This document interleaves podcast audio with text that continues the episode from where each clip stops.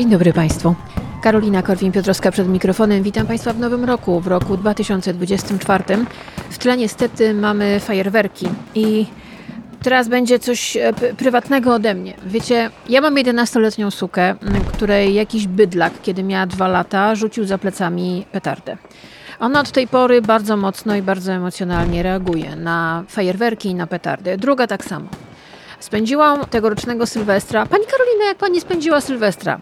Otóż ja spędziłam Sylwestra tak, że siedziałam z psem, najpierw na podłodze w łazience, z dwoma tak naprawdę, z dwiema moimi dziewczynami. To są już starsze panie. One są bardzo emocjonalne i rozdrgane. Były na lekach od weterynarza, ale to niewiele pomagało, ponieważ y, kanonada tak naprawdę zaczęła się około 22. Ja przesiedziałam Sylwestra najpierw y, na podłodze w łazience, potem w sypialni, tuląc ją do siebie. Ona się tak trzęsła, że myślałam, że trzeba będzie z nią jechać do weterynarza w tej kanonadzie. Bałam się, że ten pies mi umrze. Po raz pierwszy w życiu bałam się o mojego psa, bo jakiś jeden kretyn z drugim kretynem i trzecim kretynem stwierdził, że będzie walił kilka godzin fajerwerkami za naszymi oknami. Ja wiem, że dla niektórych to jest może zabawne. Ja nawet przeczytałam taki absolutnie kretyński, absurdalny komentarz w sieci, że to są prawa człowieka puszczanie fajerwerków. A ja widzę przede wszystkim sadystyczny spektakl, który pokazuje wyższość i pogardę nad słabszymi, nad tymi mniejszymi, którzy nie potrafią się obronić. Nie mam najmniejszej empatii w stosunku do tych, którzy mają potem w wyniku puszczania fajerwerków różne wypadki. Zasłużyliście na to. Nie wiem, co zrobić w tej sprawie. Uważam, że ta sprawa wymaga jakiegoś załatwienia prawnego. Bo to nic, że duże sklepy sieciowe nie sprzedają tego.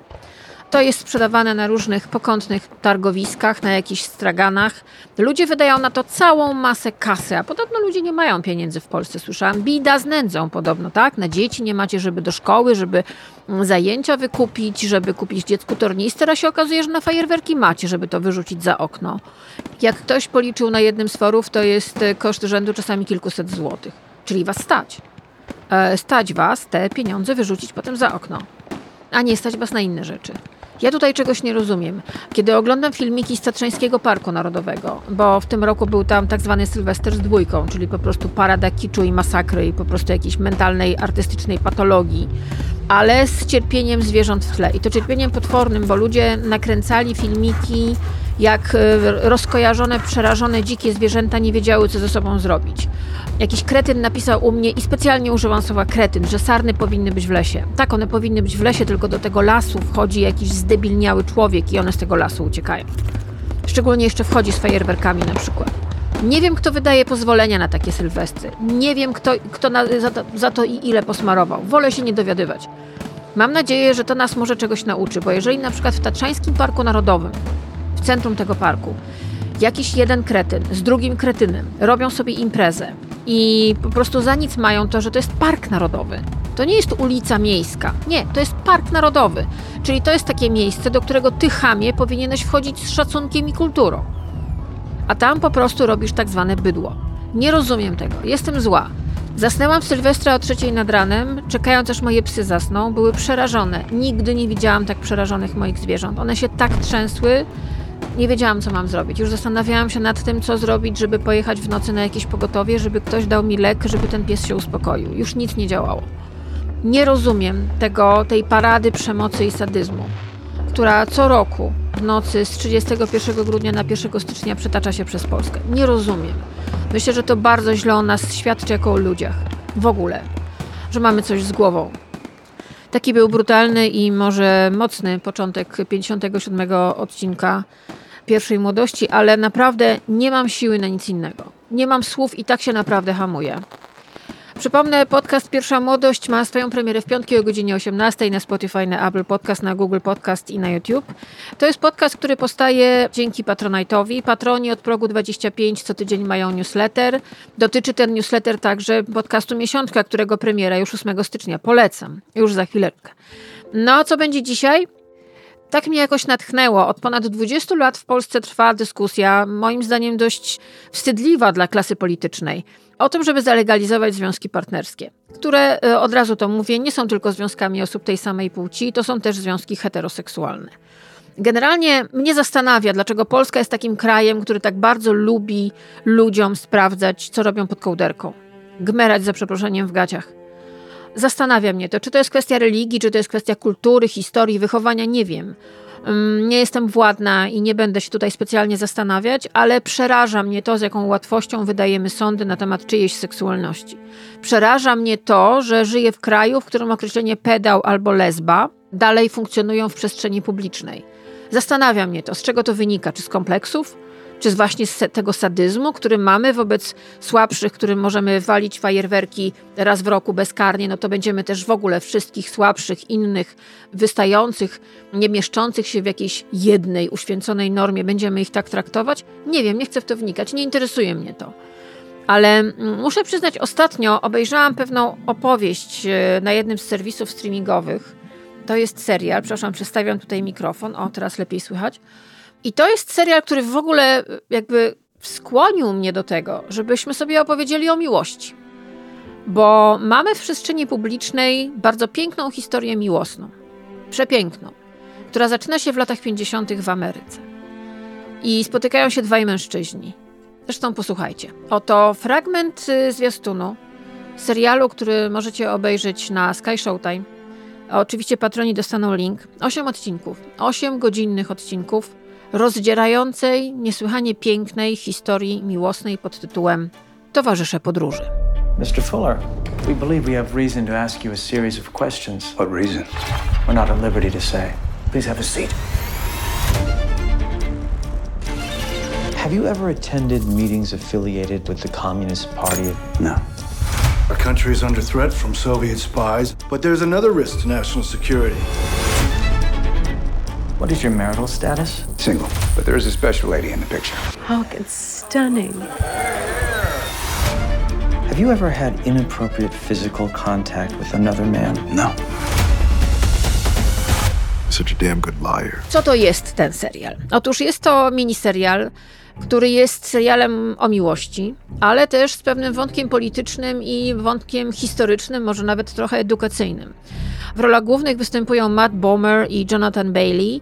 I to jest opowieść o tym, że ci dwaj mężczyźni spotykają się w szczytowym okresie makartyzmu, w szczytowym okresie najczarniejszego czasu w historii amerykańskiej po II wojnie światowej, kiedy po pierwsze były polowania na komunistów, słynna sprawa Rosenbergów, o której tam słyszymy trochę w tym serialu.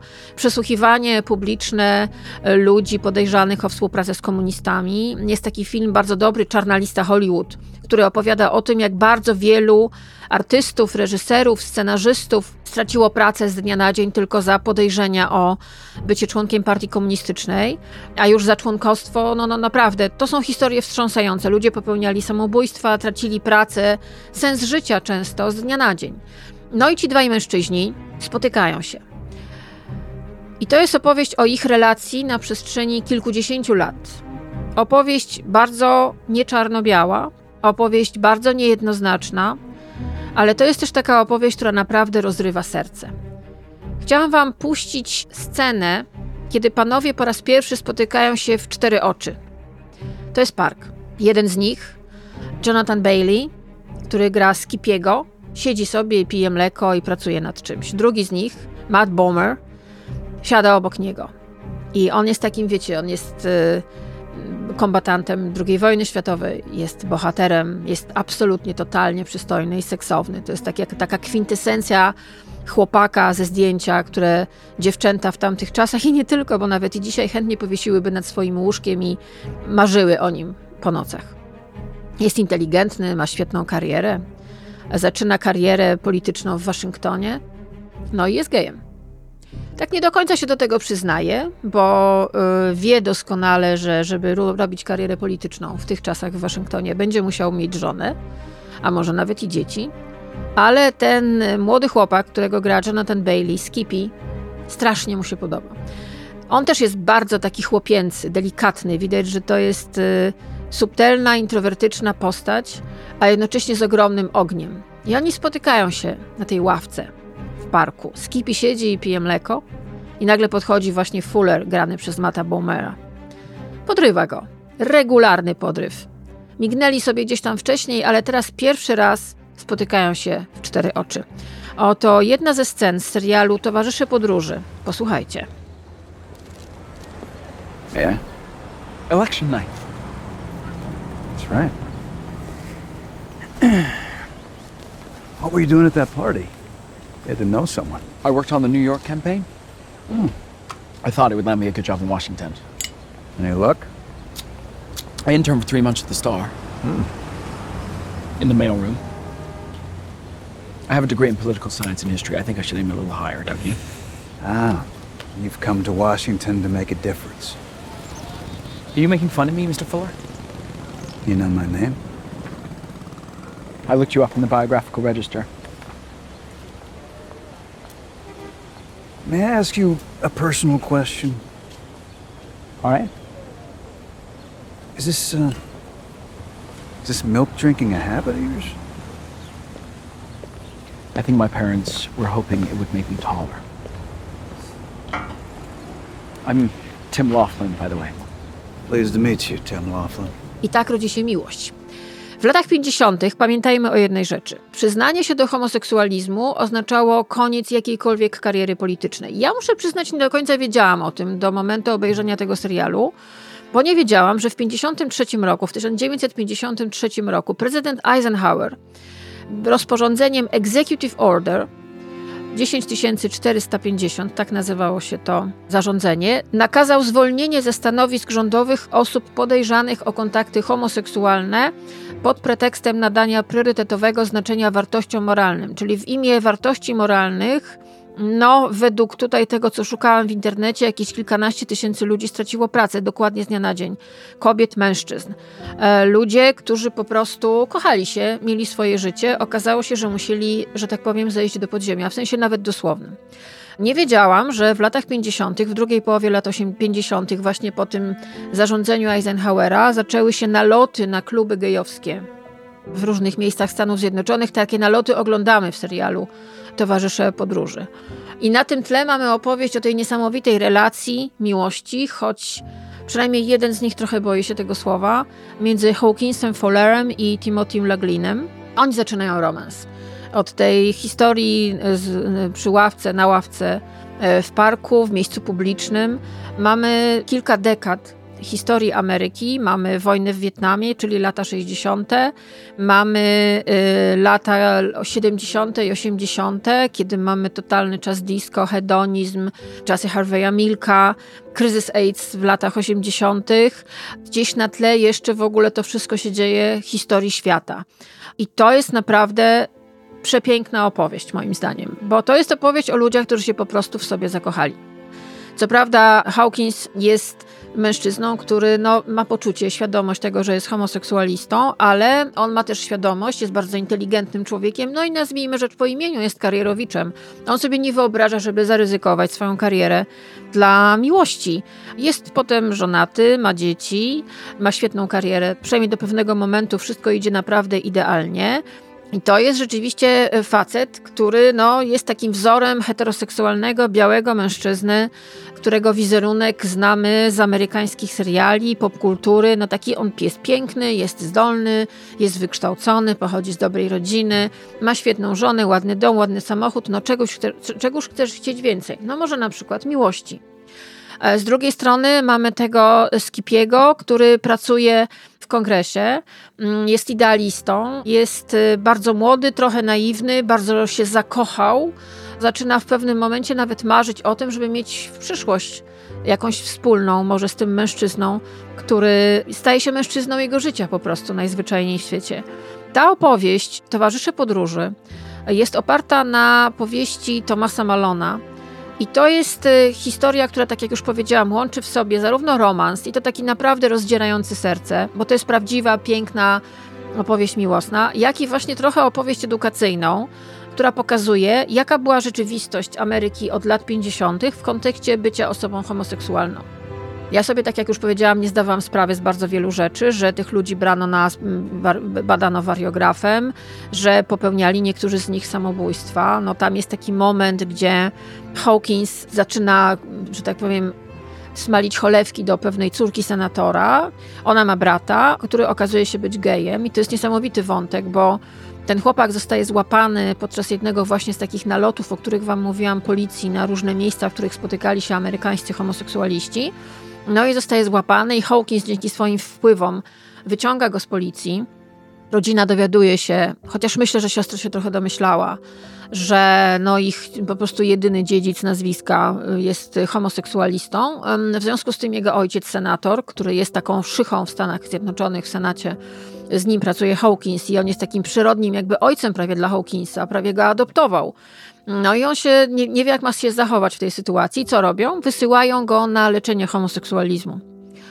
Nie powiem wam, co jest dalej, ale to jest taka opowieść, która mi zapachniała trochę całkiem niedawnymi, niedawnymi latami, kiedy też homoseksualistów to w, w, rządowej telewizji słyszeliśmy, że to można wyleczyć. No nie, tego się nie da wyleczyć. No ale to też jest opowieść o tym, jaki los spotykał ludzi, którzy no, zostali, że tak powiem, złapani na gorącym uczynku, choć tak naprawdę po prostu chcieli kochać tych, których chcieli kochać, a nie tych, których im narzucono, żeby kochali. Niesamowita jest to opowieść. Ta opowieść zaczyna się w noc wyborczą 1952 roku. Właśnie wtedy prezydentem Stanów Zjednoczonych zostaje Eisenhower. No a potem jego y, prawa ręka, senator Joseph McCarthy i prawnik Roy Cohn zaczynają polowanie na komunistów, a przy okazji także na homoseksualistów i lesbijki. Wtedy nazywano to dewiantami. Słowo dewiant bardzo często pojawia się w narracji prawicowej w Polsce.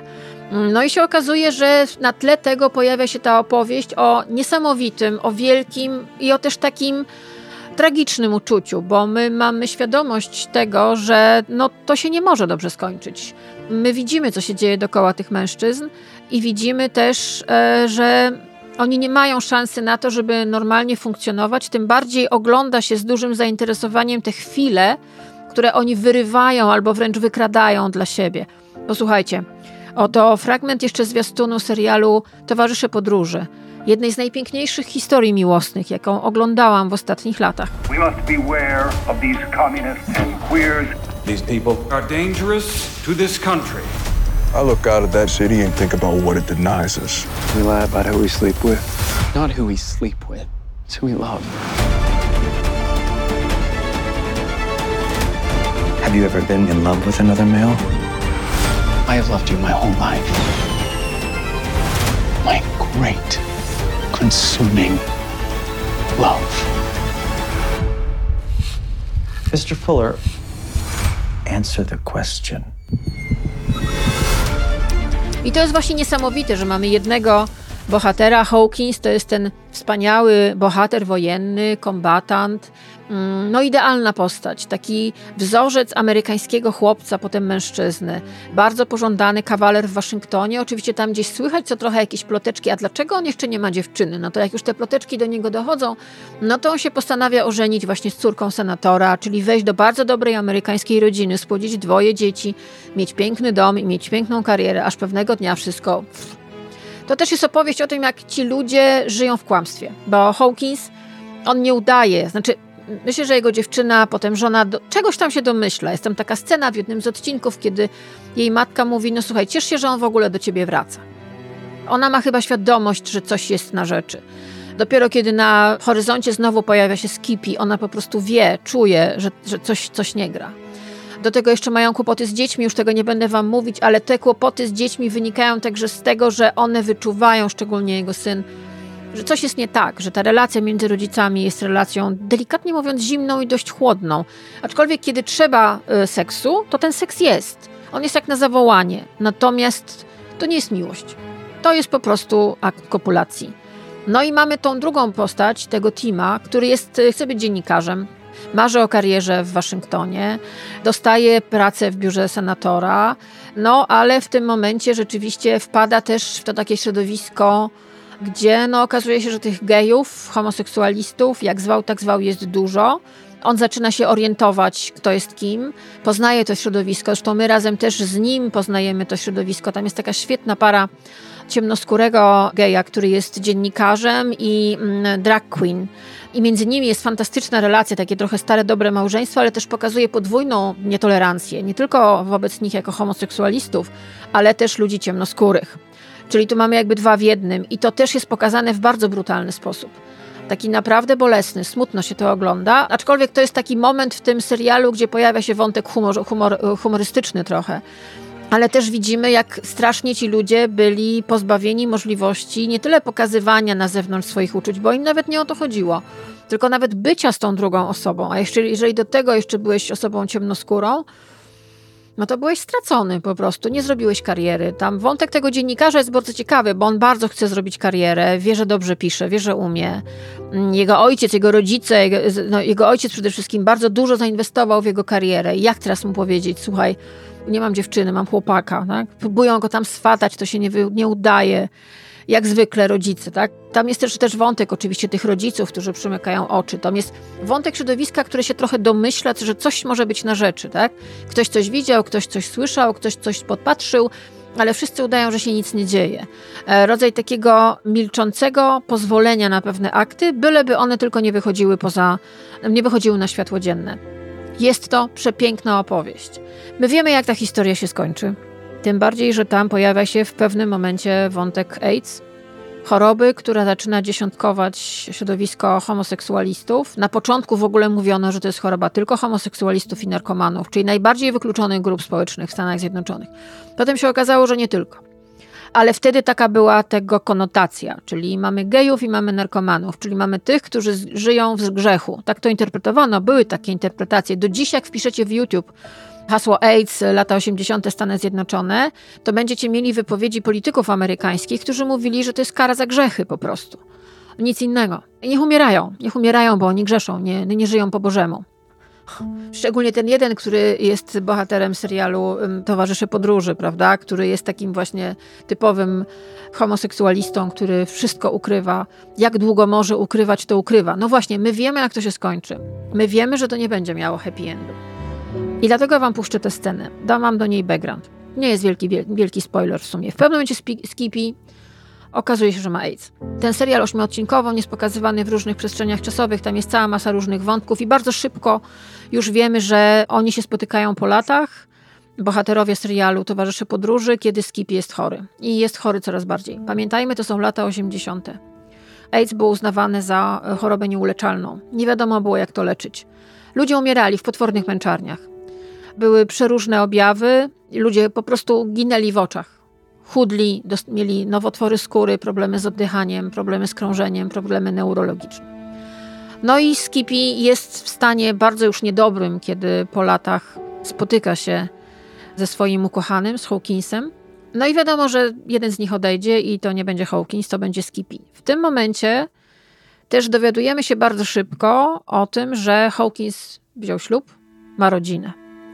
I to jest ostatnia scena z tego serialu, Cały czas my w tym serialu czekamy, żeby Hawkins powiedział, że go kocha, tego Skipiego. Żeby powiedział wprost, to jest mężczyzna, którego kocham.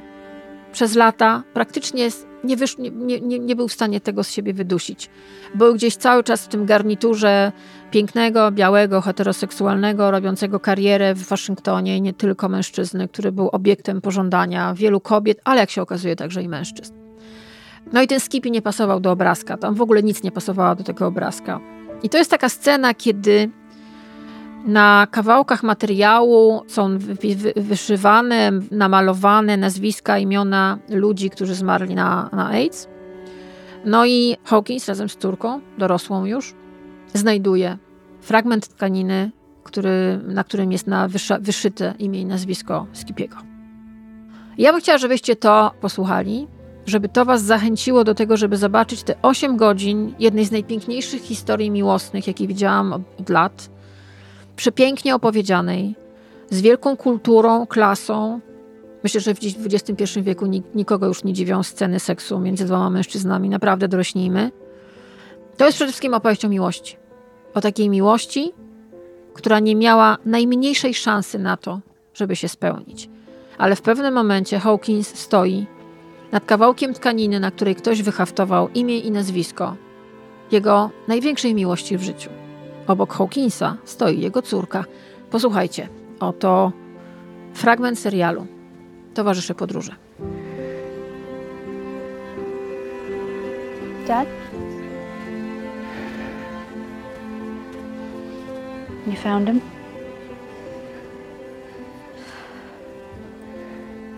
It's beautiful.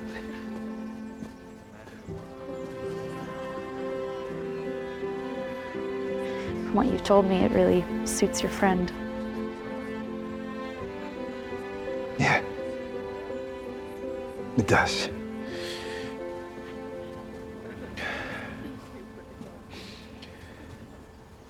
Sweetheart. He wasn't my friend. He was the man I loved.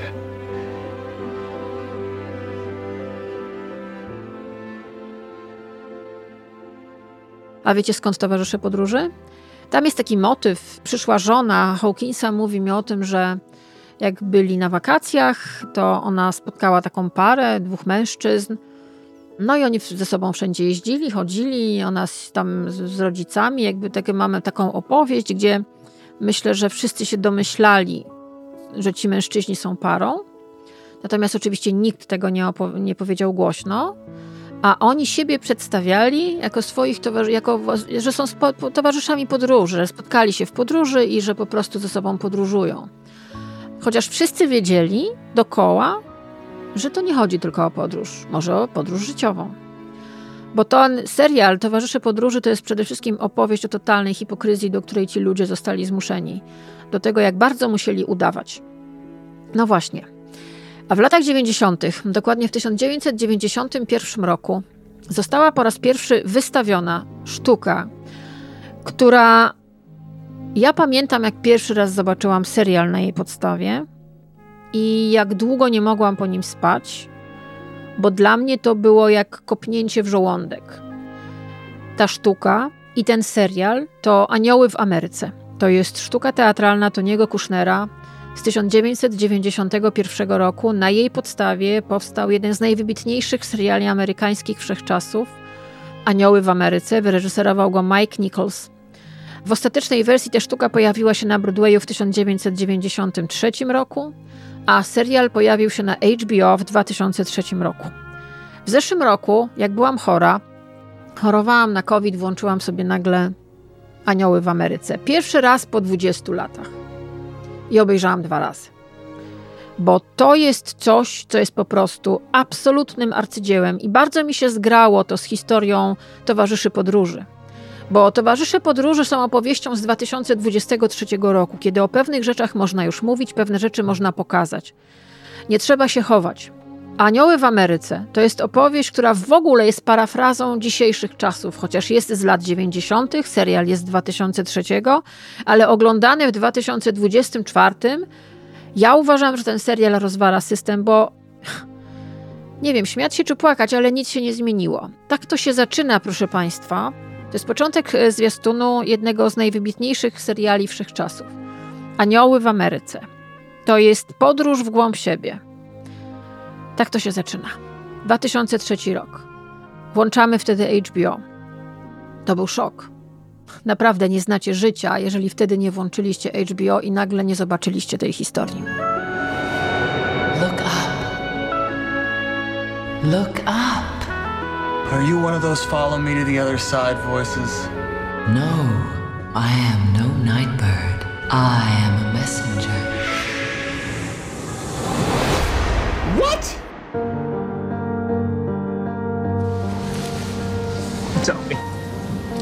Baby. Legion number one. AIDS is what homosexuals have. I have liver cancer. You can call it any damn thing you want, Roy. But what it boils down to, you have AIDS. O czym to jest? To jest historia, której akcja toczy się w Nowym Jorku w latach 80. No i największym strachem największym takim czarnym ludem, który mm, wzbudza przerażenie we wszystkich, dosłownie, jest AIDS. To AIDS, które pojawia się też jako jeden z motywów y, towarzyszy podróży, w Aniołach w Ameryce jest punktem wyjścia do historii kilku bohaterów, których losy śledzimy w tymże serialu.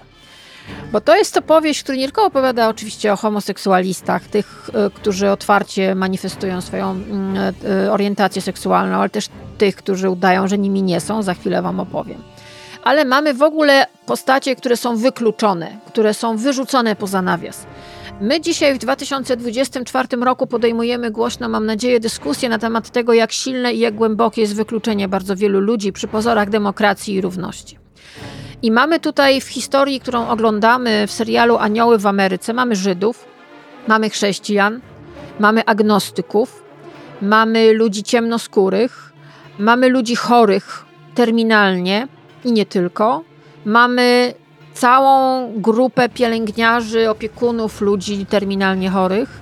Mamy oczywiście homoseksualistów, mamy heteroseksualistów, mamy kobiety, które zabiorą za dużo tabletek, mamy kobiety, które się za bardzo poświęcają i mamy kobiety, które mają wszystko gdzieś.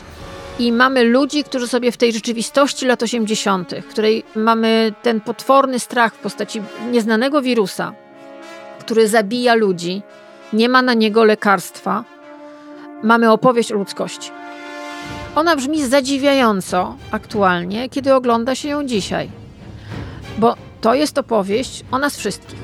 Ja naprawdę ten film obejrzałam sobie w zeszłym roku raz, i potem drugi raz, zastanawiając się, jak naprawdę niewiele się zmieniło. Poza tym, że dzisiaj, jeżeli ma się, jest się chorym na AIDS albo jest się zaróżonym wirusem HIV, to można żyć bardzo, bardzo długo przy odpowiednich lekach. To nie jest takie trudne. Czyli ta choroba już nie jest śmiertelna. Wtedy jeszcze była śmiertelna. Poza tym, nasz mental, to jak my nie dopuszczamy do wiadomości pewnych rzeczy, jak my wygumkowujemy pewne informacje, jak my udajemy kogoś, kim nie jesteśmy, jak my oszukujemy siebie nawzajem, także w kwestii e, orientacji seksualnej, ale nie tylko, w ogóle na przykład poglądów, to to jest opowieść, która jest niesłychanie uniwersalna. I nie wiem, śmiać się, płakać, można się jedynie zastanowić. To jest też serial, w którym po prostu jest absolutny koncert aktorski wszystkich. Takiego zestawu aktorów, jak na przykład Meryl Streep, Al Pacino, Emma Thompson, chociażby pierwsi z brzegu. Meryl Streep wykonuje w tym serialu, mówię o serialu Anioły w Ameryce, jedną ze życiówek. Znaczy, Meryl Streep również jej życiówka, ale słuchajcie, ten serial zaczyna się od naszej wizyty w synagodze, gdzie odbywa się ceremonia pożegnania pewnej Żydówki i jest rabin. Rabin, którego poznajemy po głosie, bo w roli rabina, który już jest może trochę głuchy, ale jest bardzo mądry, jak potem się okazuje, bo on potem spotyka się jednym z głównych, ze z głównych bohaterów i daje mu pewną radę, ale to jest Meryl Streep.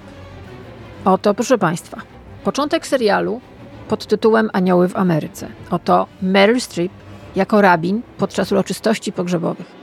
Oto początek pierwszego odcinka serialu, który jest jednym z najwybitniejszych, najlepszych, najwspanialszych zjawisk w telewizji, jakie powstały kiedykolwiek. Hello and good morning. I am Rabbi Isidore Hemelwitz of the Bronx Home for Aged Hebrews.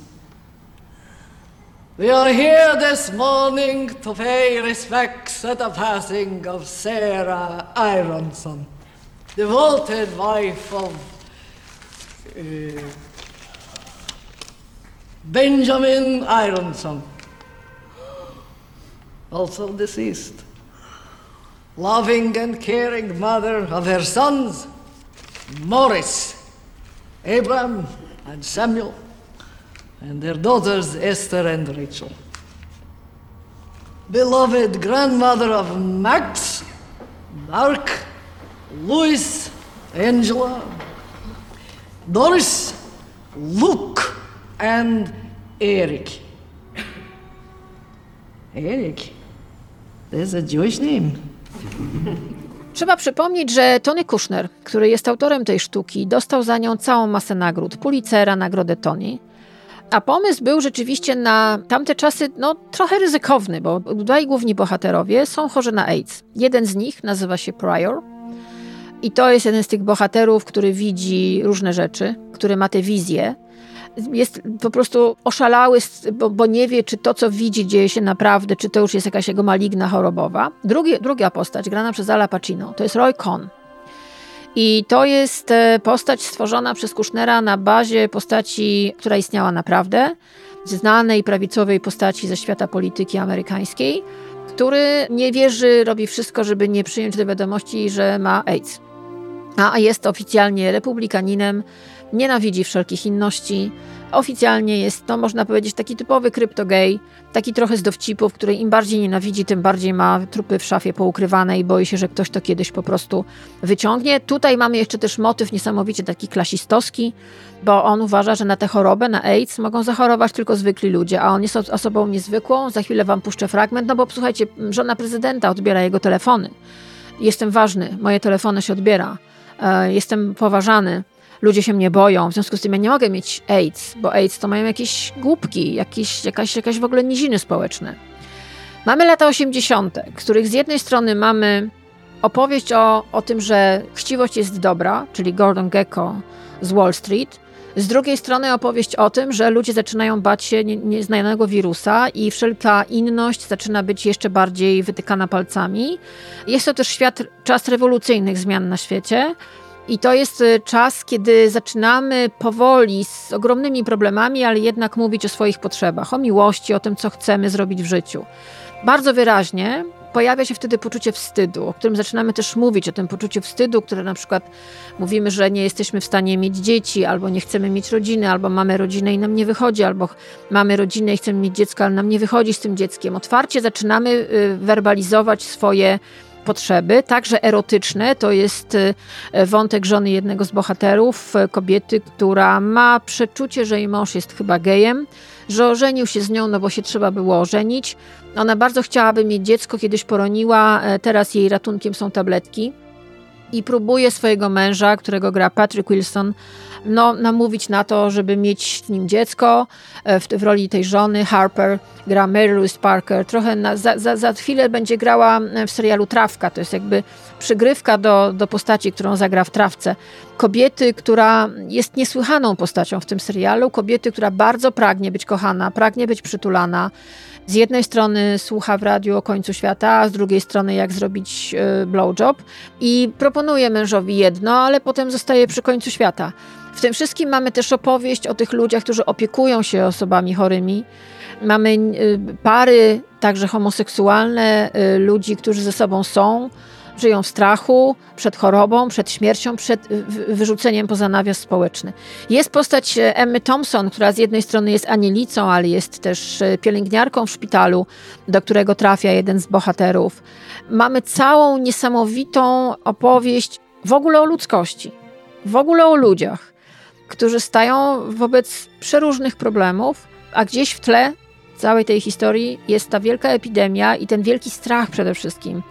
Ja tak sobie pomyślałam, jak oglądałam ten serial w zeszłym roku, że to jest trochę tak, jak mieliśmy z COVID-em, że takie sytuacje graniczne, kiedy mamy globalny, ogólny strach, mamy chorobę, mamy wirusa, który zabija, nie wiemy, co z nim zrobić, bardzo jesteśmy wobec niego bezradni, że takie momenty graniczne pokazują, jacy jesteśmy naprawdę.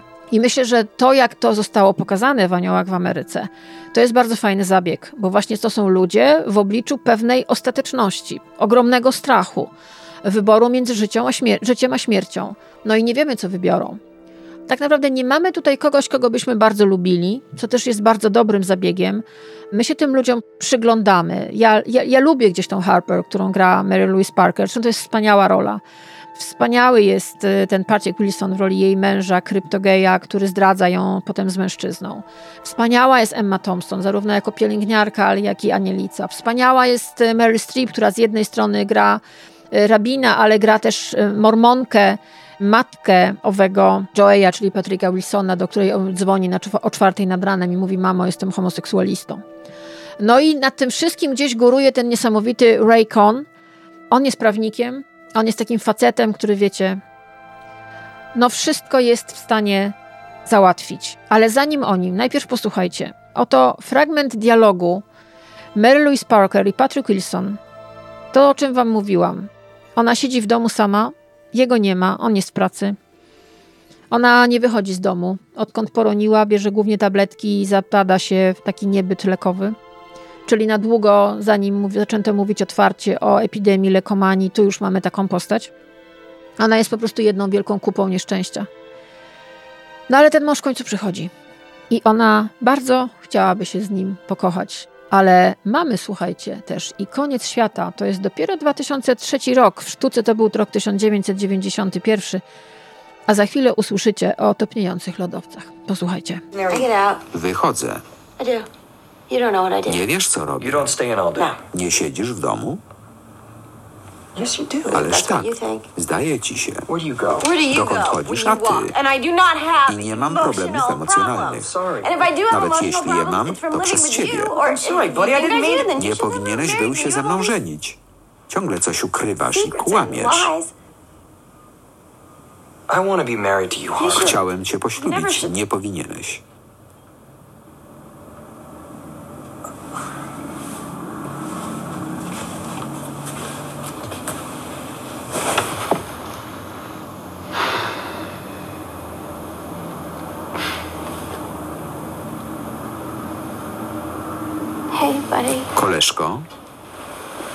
Buddy. buddy kiss. Buziaczek.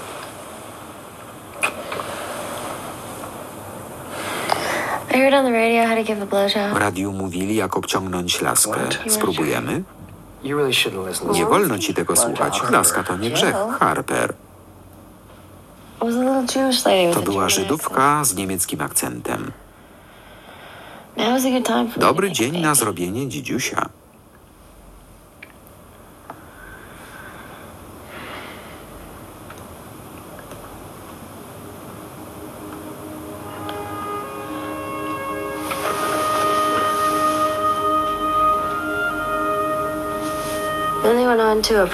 Później opowiadali o dziurze ozonowej nad Antarktydą. Oparzenia, ptaki ślepną. Topnieją góry lodowe. Birds go blind. Icebergs melt. Zbliża coming się to an end. koniec świata.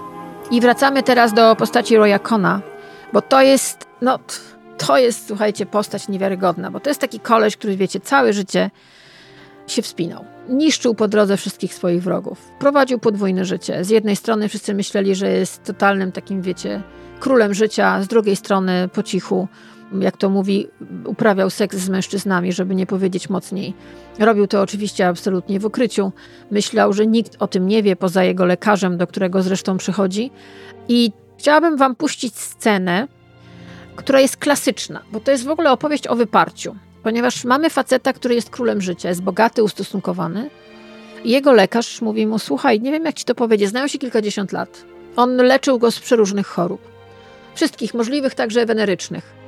Domyślał się, że one są, e, mają źródło w tym, że on uprawia seks z mężczyznami. I często bardzo przypadkowy. Ale nic nie mówił. Natomiast musi mu powiedzieć, że ma AIDS. Wcześniej Harry Cohn mówi, że jeżeli on mu to powie, to zrobi wszystko swoimi wpływami, a zna te wpływy, ma, jego lekarz zna te wpływy, że już nigdy nie, więcej nie będzie mógł leczyć ludzi. On po prostu wyrzuca, wygumkowuje, udaje, że nie jest chory. To jest wstrząsająca scena, zresztą to jest w ogóle taka scena, tam ten se- serial pełen jest wybitnych, wspaniałych scen, które są absolutnie uniwersalne. A więc proszę Państwa, Al Pacino i James Cromwell w roli lekarza.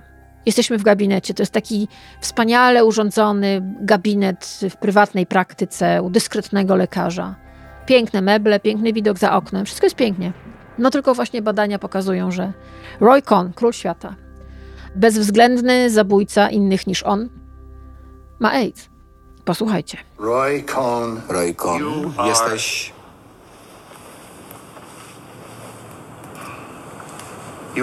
Odbywałeś stosunki z mężczyznami. Wielokrotnie. Jeden any z number nich of them, cię zaraził. very sick. Masz AIDS. AIDS. AIDS. AIDS. You know, your problem, Henry, is that you are hung Przywiązujesz zbyt wielką wagę do słów i etykietek. Wierzysz, że coś znaczą.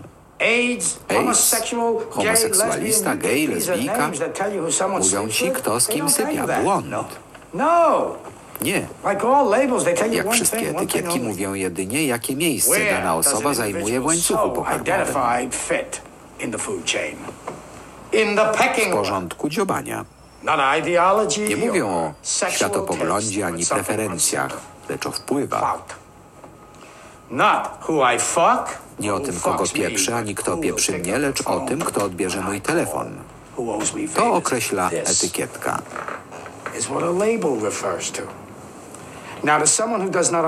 Dla kogoś, kto tego nie rozumie, jestem homoseksualistą, bo dmucham się z facetami. Ale homoseksualiści to nie są faceci sypiający z facetami. Homosexuals are men Homoseksualiści to faceci, którzy od 15 lat nie mogą przepchnąć ustawy antydyskryminacyjnej w ratuszu. Nie znają nikogo i nikt ich nie zna. Mają zero zerowe wpływy. Czy ja jestem taki? No. Mam rozległe wpływy. I pick up this phone. Wybieram I punch 15 15 numbers. You know numerów. Wiesz, kto podniesie słuchawkę po five 5 minutes, minutach? Prezydent. Lepiej. Jego żona. Imponujące. Nie chcę imponować, lecz coś wyjaśnić. To nie jest sofistyka ani hipokryzja, lecz rzeczywistość. reality. I have sex with men, but unlike Uprawiam seks z mężczyznami, ale zabieram kolesia, którego dymam do Białego Domu. Reagan uśmiecha się i ściska jego dłoń. To, czym jestem, jest określone przez to, kim jestem. Roy Cohn nie jest homoseksualistą. Roy Cohn to heteroseksualista, który pieprzy się z facetami. No właśnie, nie jestem homoseksualistą, prawda? No, jesteś homoseksualistą, bo uprawiasz seks z mężczyznami, nie uprawiasz seksu z kobietami i dzięki uprawianiu tego seksu masz po prostu AIDS i po prostu umrzesz. Notabene mm, Roy Cohn umiera w szpitalu. Chciałam Państwu puścić taką scenę, która jest w ogóle, jeżeli mamy, są takie na przykład mm, filmiki na YouTubie, najlepsze sceny z Aniołów w Ameryce i to jest jedna z tych scen, proszę Państwa. No, wyobraźcie sobie, w roli takiego anioła zagłady, a jednocześnie pielęgniarza, który się tam pojawia, Jeffrey Wright, który w ogóle genialna postać w tym serialu. Mm, On się nazywa Belize i Raycon, który no, umiera. Jest człowiekiem już na granicy, na skraju życia i śmierci. Zresztą no, wygląda bardzo źle. Ma nowotwór skóry, to widać, ten mięczak Kaposiego widać już na, na jego ciele. Jest wychudzony, jest siny, ledwo żyje, już ma dosyć. I to jest opowieść o tym, jak wygląda niebo. Jak wygląda niebo według Belize, któremu pytanie o to, jak tam jest, kiedy te męczarnie się skończą, zadaje Roy Cohn. Fenomenalna scena. Jeffrey Wright, Al Pacino, Anioły w Ameryce. Jeden z najlepszych seriali wszechczasów. Can I ask you something, sir? Sir. What's it like after? After. This misery ends.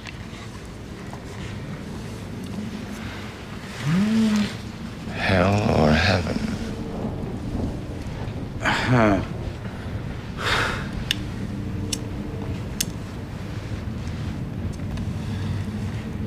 Like San Francisco. A city.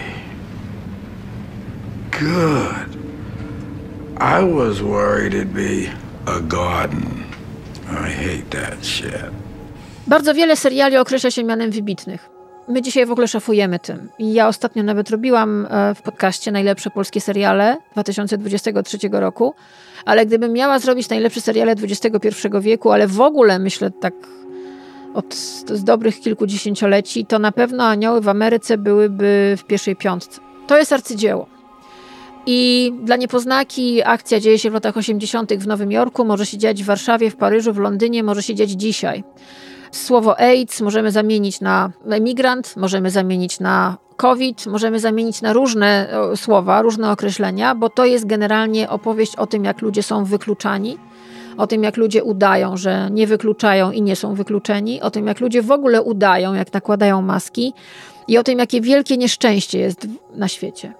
Bo bohaterem tego filmu są nie tylko mm, Amerykanie w pewnym momencie historycznym, ale bohaterem tego filmu są w ogóle ludzie. Ludzie, którym się po prostu nie udaje, którzy nie są z historii utkanej z opowieści o wielkim sukcesie, o wielkiej karierze, o perfekcyjności. To są ludzie, którym się po prostu nie udaje i którzy się nie, niektórzy z nich bardzo się boją. Niektórzy z nich umierają, mają różne wizje. Niektórzy z nich po prostu nie dają rady. Ja myślę, że mamy taki moment, że zaczynamy mieć odwagę powiedzieć: Nie daję rady, jestem zmęczony, nie mam siły, to wszystko mnie przerasta. Ja też się tego nauczyłam mówić. Kiedyś mnie wychowano, żeby tego nie robić, bo to jest dowód na słabość. Teraz wiem, że to jest dowód na moją siłę. I w Aniołach w Ameryce poznajemy ludzi, którzy po prostu nie mają siły i mówią o tym. Ja już nie mam siły. I ci ludzie też kłamią, udają, jakoś funkcjonują. I to jest opowieść o tym, że wszyscy umrzemy. Takie zdanie, które bardzo często powtarzam w tym podcaście. Tak, proszę Państwa, wszyscy umrzemy. Ja bym chciała mieć taką śmierć, jak niektórzy bohaterowie aniołów w Ameryce. Ona jest bardzo, ja wiem, optymistyczna. Daje nadzieję, że tam coś jest, że może Emma Thompson przeprowadzi mnie na drugą stronę. Nie wiem. Jest to przepiękna opowieść.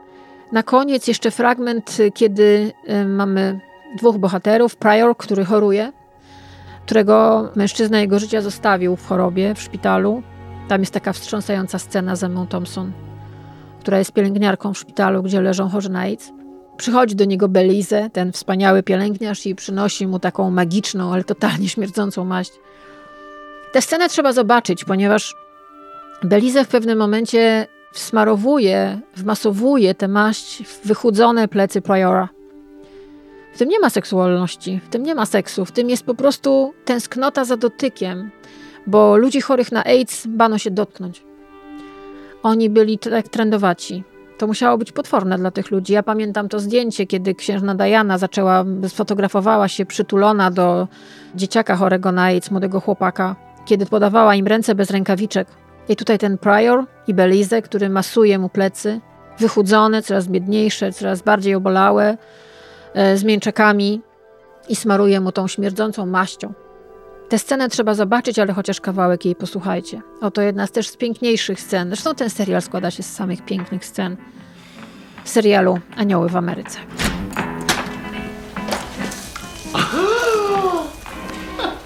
Miss Thing! Ma chérie Bichette. Stella? Stella Foster.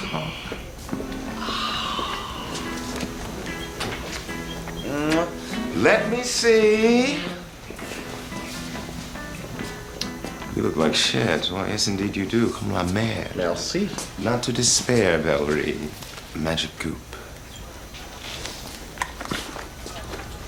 Ooh, what kind of crap is that? Beats me. Let's rub it on your poor blistered body and see what it does. This is not Western medicine, these bottles. Voodoo cream from the Botanica around the block. Oh, and you, a registered nurse. Beeswax and cheap perfume cut with Jergens lotion, full of good vibes and love from some little black Cubano witch in Miami. Ah, get that trash away from me. I'm immune suppressed. I am a health professional. I know what I'm doing. It stinks.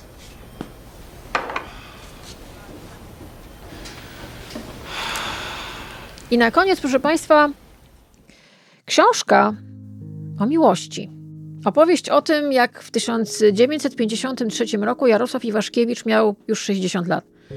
Był sławnym pisarzem, był bardzo szanowaną figurą przez władze PRL-owskie, był też głową wielopokoleniowej rodziny, miał żonę, dzieci.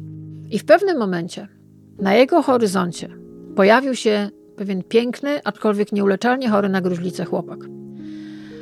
I zaczyna się opowieść, która była ukrywana przez wiele lat. Nie mówiono o tym głośno, bo o homoseksualizmie Jarosława Iwaszkiewicza plotkowano od zawsze. Biografowie ukrywali ten fakt jak długo mogli. Na szczęście pojawili się biografowie, którzy przestali ukrywać ten fakt i nagle się okazało, że tam były różne relacje, że po prostu Iwaszkiewicz, wybitny polski pisarz, ja go uwielbiam, uwielbiam Brzezinę, uwielbiam opowiadania, uwielbiam sławę i chwałę, był biseksualny i co w tym złego, no? Tak sobie życie ułożył. Ale ta opowieść o miłości do Jerzego Błeszyńskiego, która trwała 7 lat. W tym czasie Jarosław Iwaszkiewicz napisał do niego kilkaset listów.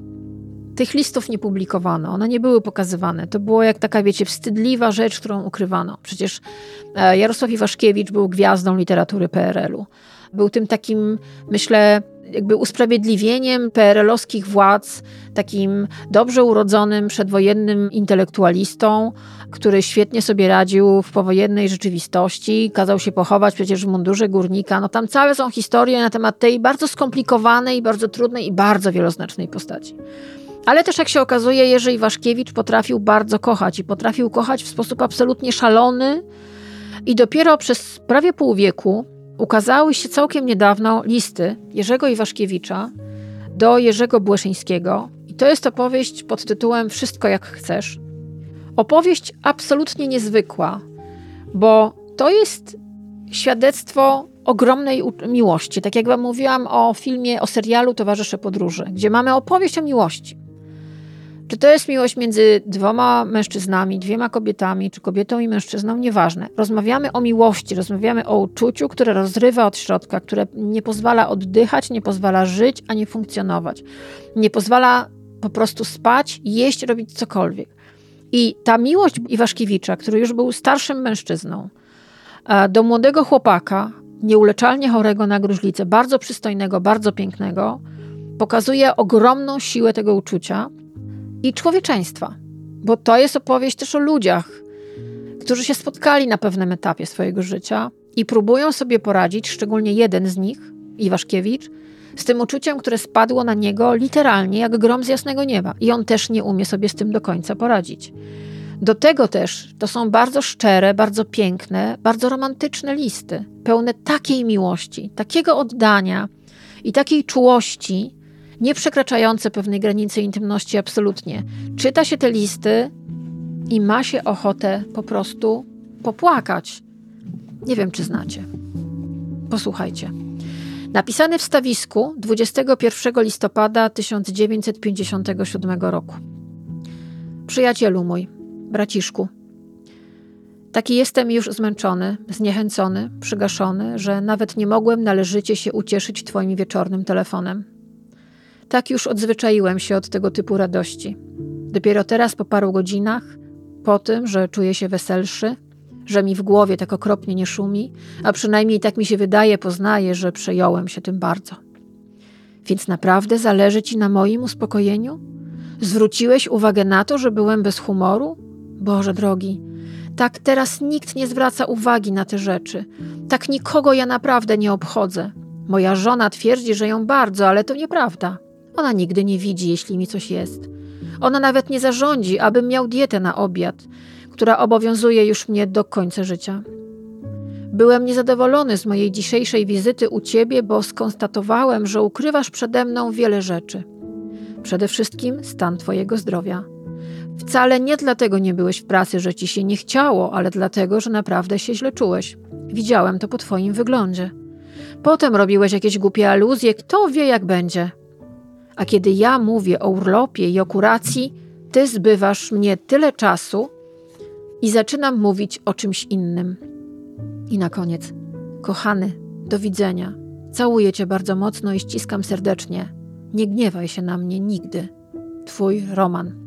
Te listy y, Jarosław Iwaszkiewicz podpisywał jako Roman. I tutaj jeszcze coś wam znalazłam przerzucam kartki. To się czyta po prostu jak jedną z najpiękniejszych powieści miłosnych. Uwaga. Moskwa, 18 lipca 1958. Mój Jurciuniu najmilszy, najdroższy. Nie ma od ciebie ani depeszy, ani telefonu i to jest nie do wytrzymania. A ja leżę czwarty dzień w łóżku i taki osłabiony, że ani ręką, ani nogą. Moja depesza ostatnia miała taki sens, że ja będę dzwonić, ale u was zawsze telefon zepsuty, więc dzwoń ty, z jakiego innego numeru. I rzeczywiście próbowałem się wczoraj połączyć, ale powiedziano mi, że 474-76 nie odpowiada, więc połączyłem się z Wołosiukiem. I jeszcze powiedziałem, co miałem, ale wszystkiego nie mogłem, bo głównie chciałem się coś dowiedzieć o Romku. Potem dalej. Mamy listopad 58 roku, dokładnie drugi. Mój jedyny, mój najdroższy. Przez cały dzisiejszy przerażający dzień zastanawiam się nad tym, jak ty mogłeś znowu tak postąpić wobec mnie.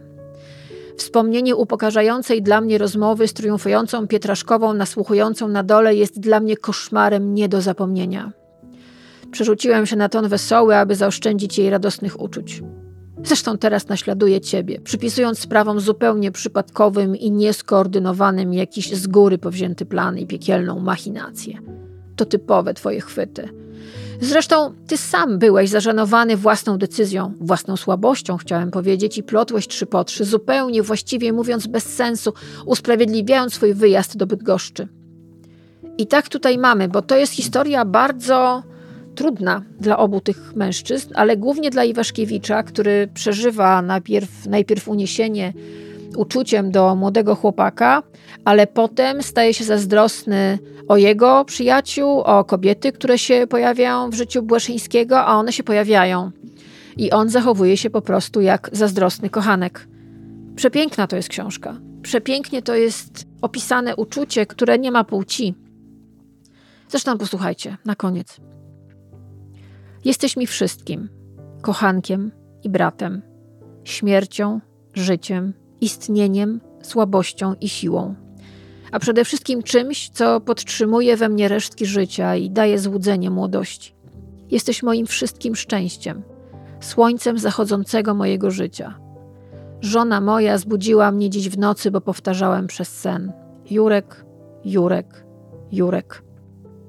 I może jeszcze? Wieczór cudowny, ciepło, psy szczekają i gwiazdy zapalają się na niebie. W domu cisza zupełna.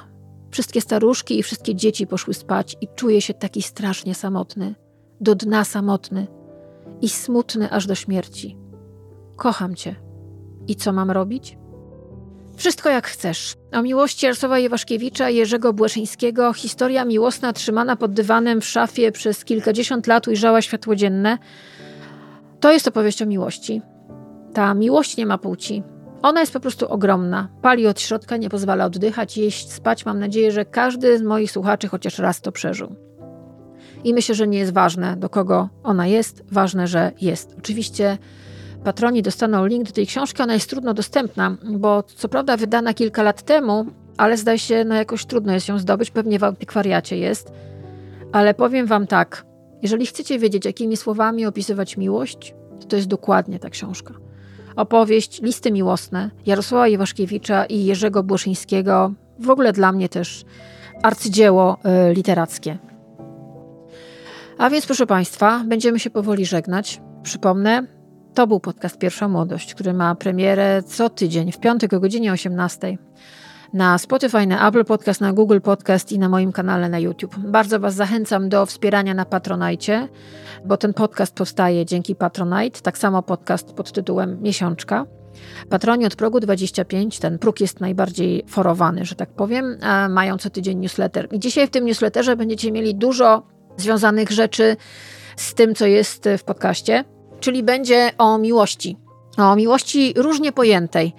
Jeżeli chcecie jeszcze posłuchać coś innego, co mówiłam na ten temat, to zapraszam do odcinka 25 pierwszej młodości. Tam jest totalna propaganda gejowska, ale też transseksualna. No dzisiaj była propaganda, że tak powiem, gejowska, ale ja nie lubię takich określeń. Ja nie lubię takich łatek. Ja lubię, żeby wam powiedzieć, że to jest opowieść o miłości. I że to jest miłość i kibicujmy politykom, żeby wprowadzili ustawę o związkach partnerskich, które nie są tylko dla gejów czy lesbijek, są dla ludzi. Są też dla osób heteroseksualnych, bo ludzie mają prawo nie chcieć na przykład zakładać sobie na palec obrączki. To nie czyni ich gorszymi, to nie czyni, nie czyni ich innymi.